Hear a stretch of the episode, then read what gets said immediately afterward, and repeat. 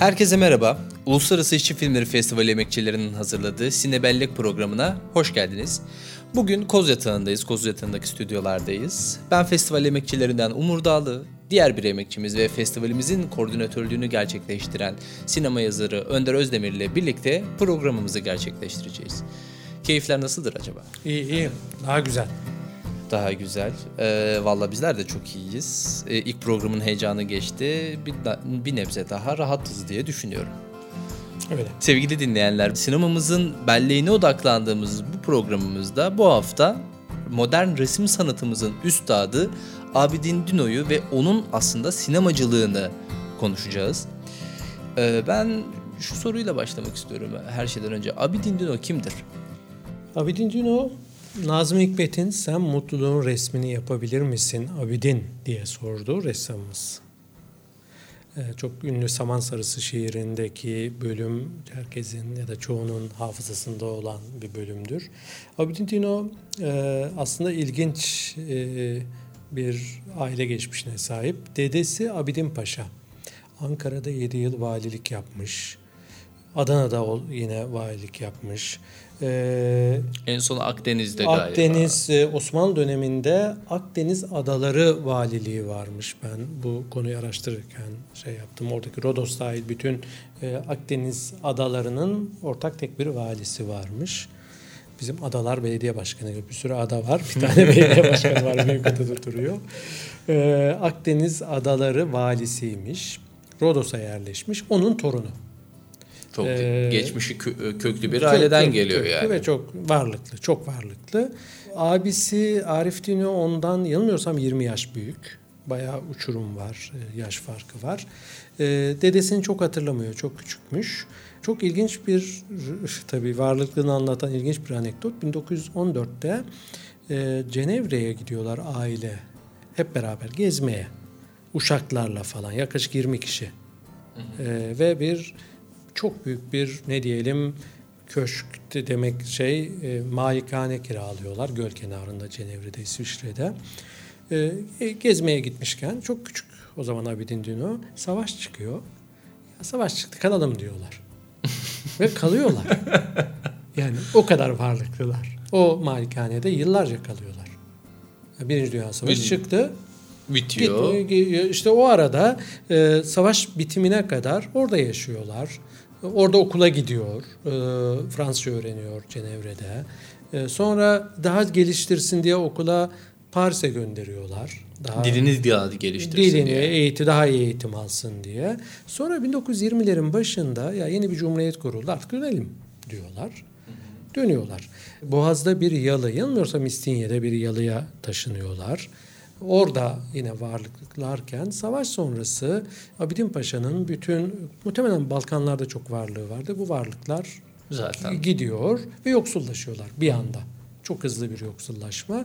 Bu arada genç birisi Abidin Dino. O zenginlik kalmamış ama iyi bir eğitim var. Politik olarak daha muhalif bir kimliği var ve resmi çok seviyor. Gazetecilik yapıyor. Parasını aslında gazetecilik yaparak ve resim yapıyor. Resim yapıyor ama resimden o dönem ne kadar kazanıyor çok emin değilim. Doğru resim şey sergi açtığına göre ama 33'lerde açıyor. Bir önceki sohbetimizden hatırlarsan Yutkeviç Türkiye'nin kalbi Ankara belgeselini yapan Sovyet sinemacı Yutkeviç İstanbul'da bir şey geziyor sergi ve Abidin Dino'nun resim sergisi çok heyecanlanıyor. Bu aslında Abidin Dino'nun aslında sinemaya direkt girişi. Kesinlikle. Tesadüf. Daha, daha önceden bir şeyi yok değil mi? Sinema ile bilgisi Abidin Dino'nun. Yok. Belki seyircidir en fazla. Belki Avrupa'da e, yaşadığı dönemlerde izlemiş olabilir. Fransa sinemanın aslında çok önemli neredeyse keşfedildiği yer diyebiliriz. Ama bir şey bilgimiz yok. Bu üretim süreçlerine dahil olma yok, yok. isteğine veya şeyiyle Hiç ilgili başka değil. anılarında da yok. Ben hem Güzün Dino'nun e, eşi Güzün Dino'nun hem Avilenio'nun anılarını e, okudum. E, orada şey yok. E, orada o zaman Yutkeviç diyor ki ya sinema ile ilgilenir misin? Benimle gelsene diyor. Beraber sinema yaparız. E, Rusya'da sinema nasıl yapılacağını falan öğrenirsin. Ben de niçin olmasın dedim diyor. Ve çok genç bir yaşta onunla birlikte gidiyor. E, ve üç yıl kalıyor. Neler yapmış orada? Neler yapmış? Ee, aslında e, çok iyi, çok hızlı çizen birisi e, e, ve Yutkevich'in ilginç bir sinema yapma tarzı varmış. Tiyatro gibi yapıyormuş. Öyle bir buluş. Yani provalar yapılıyor, yapılıyor. Sonra bir kere de çekiliyor. Hmm. Yani oyun gibi, tiyatro oyunu gibi işte dekor var, bol bol prova. Provalar esnasında da e, şey sürekli çizim yapmış. Çok hızlı kara kalem çizimler. Hem kamera açılarının yerinin belirlenmesi, hem bütün hikaye, storyboard diyebiliriz biraz. E, biraz dekorculuk yapmış ve bir sürü sanat yönetmenliğinin e, bir versiyonunu da gerçekleştirmiş orada. İlginç bir şey e, sinema deneyimi yaşamış Yutkeviç'le.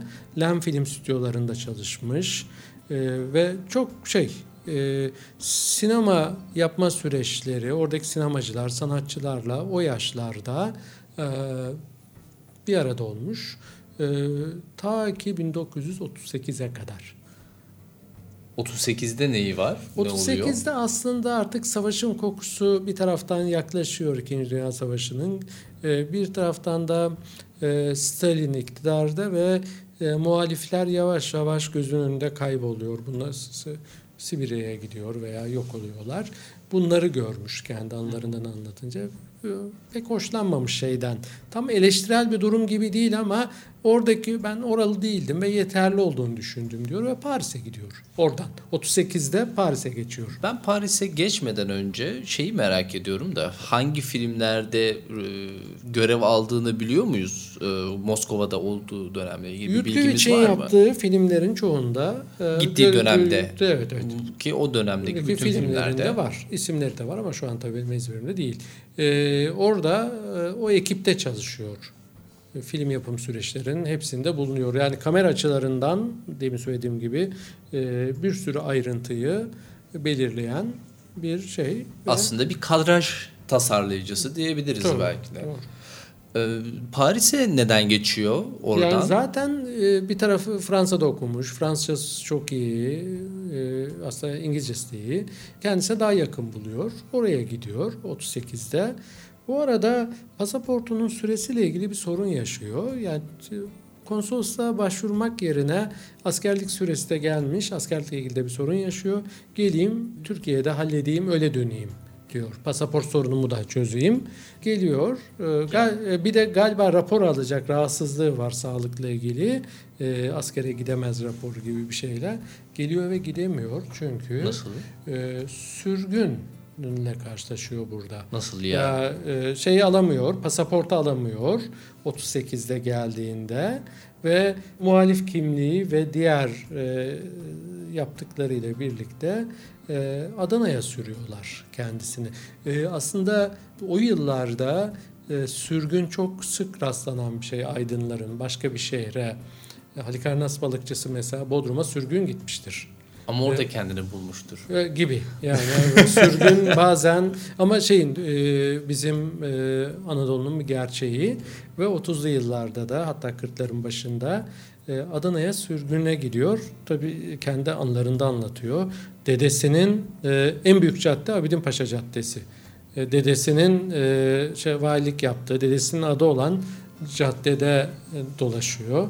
Sürgün olarak oraya gönderiyorlar. Abisi de onunla beraber Arif Dino. E, ve orada uzun süre geçiriyorlar. E, Kaç arada, sene mesela? Yanılmıyorsam 5 ya da 6 sene. Toplam 7 yıllık sürgünü var ama 1 yıl kadar arada bir şehirde daha kalıyorlar. Adana'ya öyle geçiyorlar. E, toplam 7 yıllık sürgün hayatı var. Orada 15-16 yaşlarında genç, e, meraklı birisi gelip gidiyor yanlarına.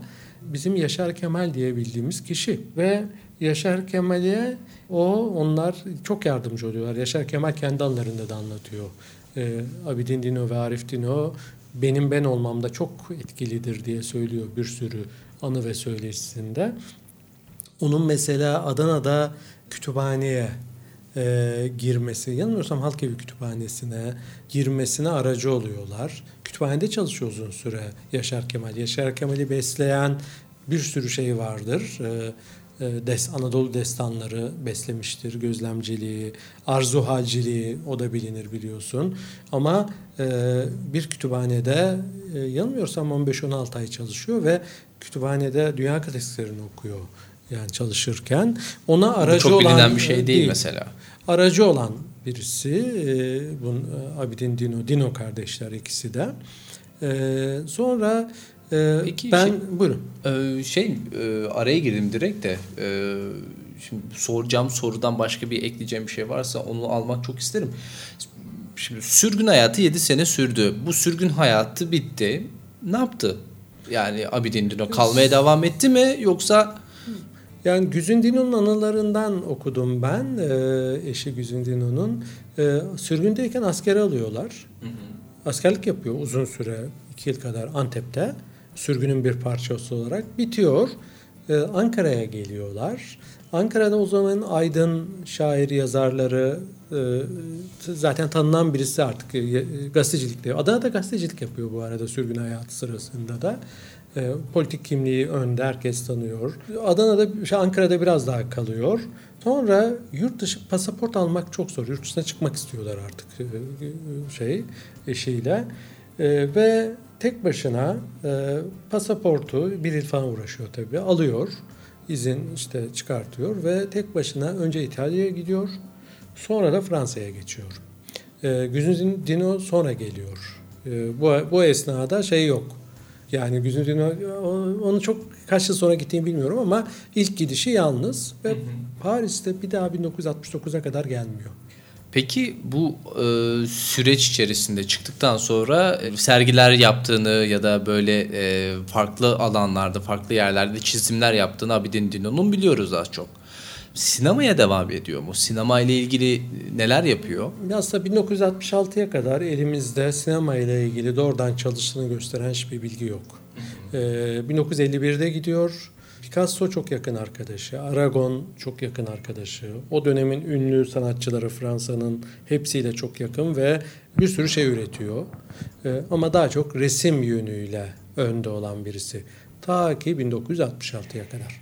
66'da ne oluyor? 1966'da Dünya Kupası İngiltere'de oynanacak ve FIFA'da aslında Fransa'da biliyorsunuz. Paris'te yaşayan Şilili Octavio Senoret yapımcı olarak FIFA'dan belgesel yapma izni alıyor. Çünkü o dönem canlı yayınlar yok biliyorsun 66 Dünya Kupası'nı e, şey gibi konseptle gidiyor. Biz çekelim sonra bunu belgesel olarak dünyada vizyona sokalım. E, şey Dünya Kupası'nın e, ve e, Abidin Dino'yu yönetmen olarak seçiyor. 336 bin dolar gibi maliyetle özel bir seslendirmeyle, özel bir müzikle bir belgesel yapıyorlar. İngiltere'deki kupanın belgeselini. Peki Abidin Dino'nun bu proje seçilmesinde özel bir neden var mı? Ya şeyi muhtemelen yapımcının arkadaşı. Ee, bence Sovyetler Birliği'ndeki şeyini biliyorlar. Bu sinema deneyimini biliyorlar. Bu yönünü biliyorlar. Dolayısıyla e, bu önemli olmuş olabilir. Ve bunun filmini yapıyor e, yönetmen olarak. Pele var bu arada. E, kendi çizimleri var. O çizimler şu anda sinematek.tv sayfasında ulaşılabilir. Senaryosu var. Notlar var. Kamera açıları nerelerden çekilecek. Renkli çekiliyor şey ve bir sürü açıdan çekiliyor. Evet, evet. Ben de zaten e, benim de özellikle çok da merak ettiğim nokta yani çekim süreciyle ilgili bir aktarım var o zaman yani şu zamana kadar gelen belgeler var gerek tabii, tabii. çok fazla. Elinde şey var e, senaryoları, çizimleri var. hatta bu belgesel Atlas sinemasında İstanbul'da Altın Goller adıyla orijinali Gol, hı hı. Gol İngilizce olarak Dünya Kupası 66 diye Kolombiya e, yapımı, e, yapımı Altın Goller diye şey yapılıyor. Hmm. Çekiliyor. Atlas sinemasında gösterimi oluyor ve e, çok ilginç bir şey e, sinemacılığına ilişkin ilginç bir veri. Ee, bu çekim süreçleri bir şekilde bitiyor ve hepsini tamamlıyorlar. Peki Abidin Duno filmden sonra sinemayla ilgili bir şeyler yapıyor mu? Bununla ilgili bir bilgi var mı elimizde? Ya aslında ne yazık ki yok. Ee, ama bildiğim kadarıyla doğrudan yaptığı bir film yok. Yoksa araştırmalarımıza çıkardı. Destek olduğu, sinemacı arkadaşlarına yardımcı olduğu durumlar olabilir. Ee, ama doğrudan sinema ile ilgili bende devam ettiğine ilişkin bilgi yok. 66'da Dünya Kupası belgeselini yapıyor. Ticari bir iş olarak yapıyor tabii. Sanat işi değil o. Ee, parası karşılığı ilginç bir e, şeye imza atmış oluyor. Valla çok valla açıkçası o süreç de çok garip de geldi. FIFA başka bir şey denemiş de olabilir belki de o dönemde. Ondan önceki veya ondan sonraki yönetmenler kimlerdi bir incelemek de lazım aslında. Onunla ilgili bir bilgin var mı? Ya aslında e, Sinematek'in bir dergisi var. E, e, Yeni Sinema isimli bir dergi. E, ne zamanın? O, e, hemen yılını e, 8. sayısı 1967 Temmuz 1967 8. sayısında Abidin Dino bu belgesel üzerine bir mektup gönderiyor. Altın goller üstüne diye de yayınlıyorlar. Hatta ben hemen o notu okuyayım. E, Sinematek e, Derneği'nin dergisinin notu 1966 Dünya Futbol Şampiyonası'na dair Türk sanatçısının Abidin Dino'nun yaptığı filmin yönetmenin filmine katabildiği ruh bilimsel inceleme ve kişisel özellikler yönünden bütün dünyada ilgiyle karşılanmış başarılı bir film olduğunu, film oynadığı zaman kısaca belirtmiştik. Bunu dergi söylüyor. Derginin notu yazıdan önce. Abidin Dino'nun mektubundan önce. Geçenlerde aldığımız bir mektupta Sayın Dino bu kısa eleştiri vesilesiyle filmi hakkında çok ilginç bazı bilgiyi bizlere vermektedir. Mektubun belge filmin çeşitli nedenlerle gelişemediği ülkemizde özellikle sinema ile uğraşan kişiler tarafından ilgiyle karşılanması gerektiği kanısındayız demiş ve mektubu eklemiş. Mektupta da filmi nasıl yaptığını işte 300 bin feet film kullanılmış. Ee, mesela çok fazla. Çok fazla. Ondan sonra Tokyo Olimpiyatı yapan başka bir e, sinemacıymış. Japon sinemacılar 8 ay bir vakit vermişler yapmak için. Kurgu e, için mi? E, bütün filmin hazırlanması, hmm. yapılması için. Bize sadece 2 ay verildi diyor. Yani başına neler geldiğini anlatıyor. E, bunun dışında ilk defa renkli çekildi diyor teknikolorla. Akşam 19'da 7'de bitiyordu maçlar ve o karanlıkta renkli çekebilmek ilk defa gerçekleştirdik. O, o günün teknolojisiyle çok zordu bunlar diyor. Sonra Wembley'de e, dört kamerayı çukurlara oturttuk.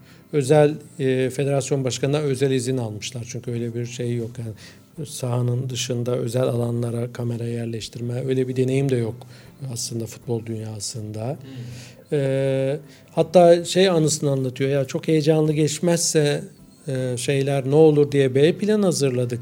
Maçlar sıkıcı olursa e, gittik İngiltere'de Londra'da bir takım e, futbolla futbolla alakası olacak hikayeler çektik diyor.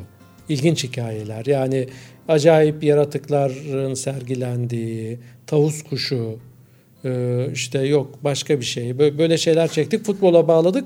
Hazır duruyor onlar. Eğer kötü çıksaydı e, futbol maçı heyecansız çıksaydı onlar araya sokuşturacaktık diyor ama kullanmadık gerek kalmadı çünkü maçlar çok heyecanlı geçti. Yapımcı da gayet cüretkarmış şeymiş evet, yani. Evet çok para dökülmüş. Bayağı yani. dökülmüş. Evet o dönem için. Yani böyle bir sürü şeyi anlatmış. Bu şeye de o zamanki dergiye de e, galiba biraz eleştirel yazmış şey e, Sinematek'teki o zaman e, dergi editörleri bu belgesele ilişkin eleştirel notlar koymuşlar. O da cevaben arkadaş benim de şu kadar sürede yaptım. E, benim olanaklarım bu kadar diye gelen ama iyi işte başardık tabii ki diyen bir mektupla cevap vermiş. Mektupta yine sinematek.tv'deki e, yeni sinema dergilerinin hepsi var zaten. Oradan orijinali görülebilir. Peki 1969'da e, Türkiye'ye gelme e, şey var. O konuyla ilgili bir anı var mı? Hani neden dönüyor Türkiye'ye? Bir bilgimiz var Aslında mı? Aslında hep dönmek istiyor. 1951'de gidiyor. Bir daha dönemiyor. Tam 18 yıl Türkiye'ye hiç gelemiyor.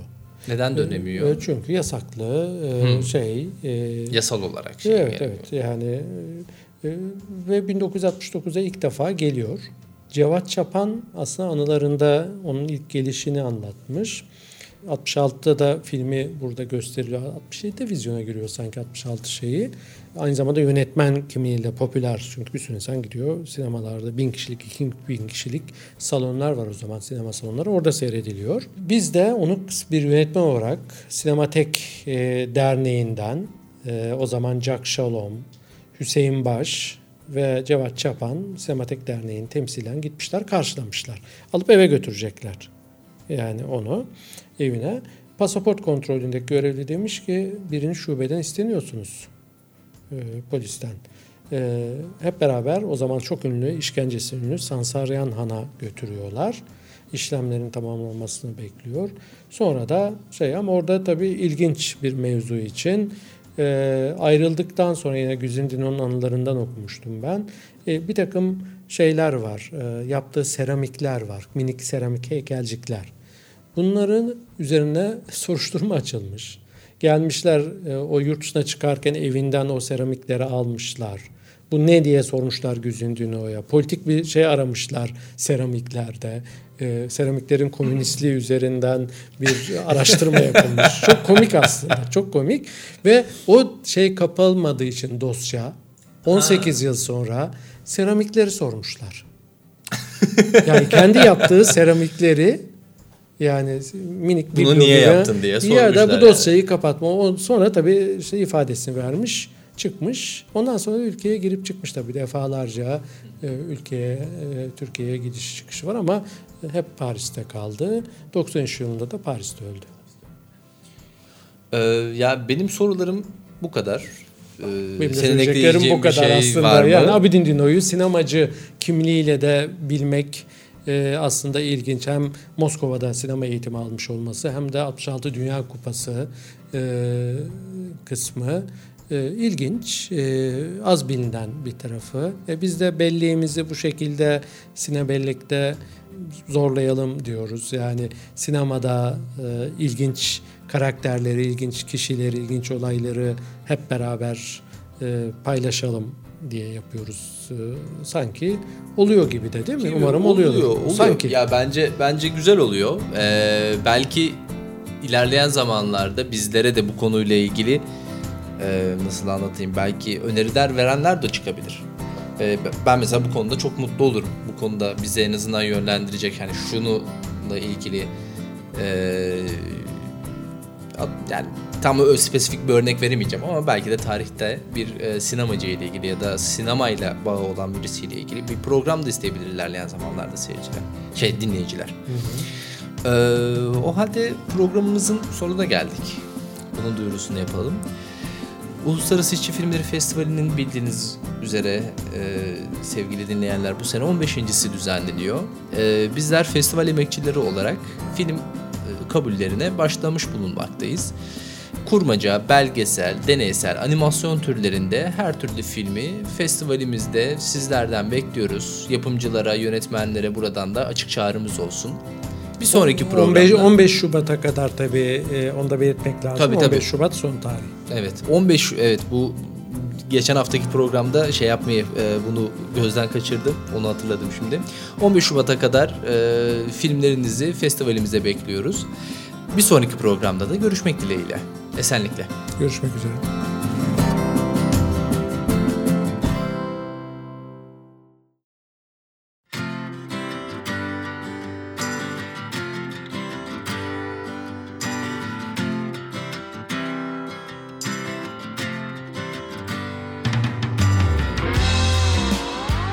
Sinebellek haftanın filmi köşesine hoş geldiniz. Bu hafta sizlere Düğmeler Savaşı filmini seçtik.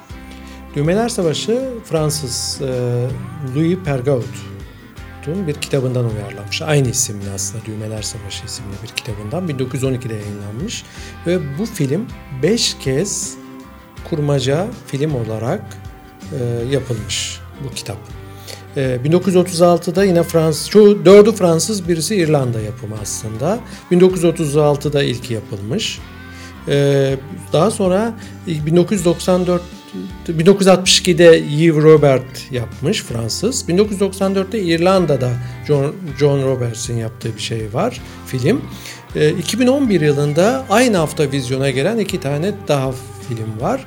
E, İşçi Filmleri Festivali'nin 2017 yılında biz e, Fransız Christophe Baratier'inkini gösterdik. 2011 yapımı olan. Bir de Jan Samuel'in var. E, aslında Düğmeler Savaşı diye aradığınızda bir sürü göreceksiniz. E, biz festival olarak e, 2011 yapımı olanı seçtik. E, Christophe e, Baratier'inkini. E, aslında hepsi benzer olmakla birlikte bir takım değişiklikler yapmışlar. E, film 2. İkinci Dünya Savaşı yıllarında işgal altındaki Fransa'da geçiyor. İki karşıt çocuk çetesi iki köyde e, ki arasındaki bir çeşit savaşı anlatıyor. E, savaş esir aldıklarının düğmelerini koparıp gönderiyorlar. Aslında bütün şey bu. Ama bu onur kırıcı bir şey onlar açısından. Çok ilginç. Arkada bir Nazi, Yahudi soykırımı vesaire olan bir versiyon bu. Ee, e, bütün dinleyicilerimize öneririz. Ee, Sinematek.tv'de bu versiyonu isterlerse Türkçe altyazı olarak izleyebilirler. Bu filmle ilgili görüşlerinizi haftanın Sinebellek filmi hashtag ile bizlerle paylaşırsanız seviniriz. Ayrıca sizlerden gelen film önerilerini kullandığınız sosyal medya platformundan bizleri etiketleyip aynı hashtag paylaşmanızdan çok mutlu oluruz.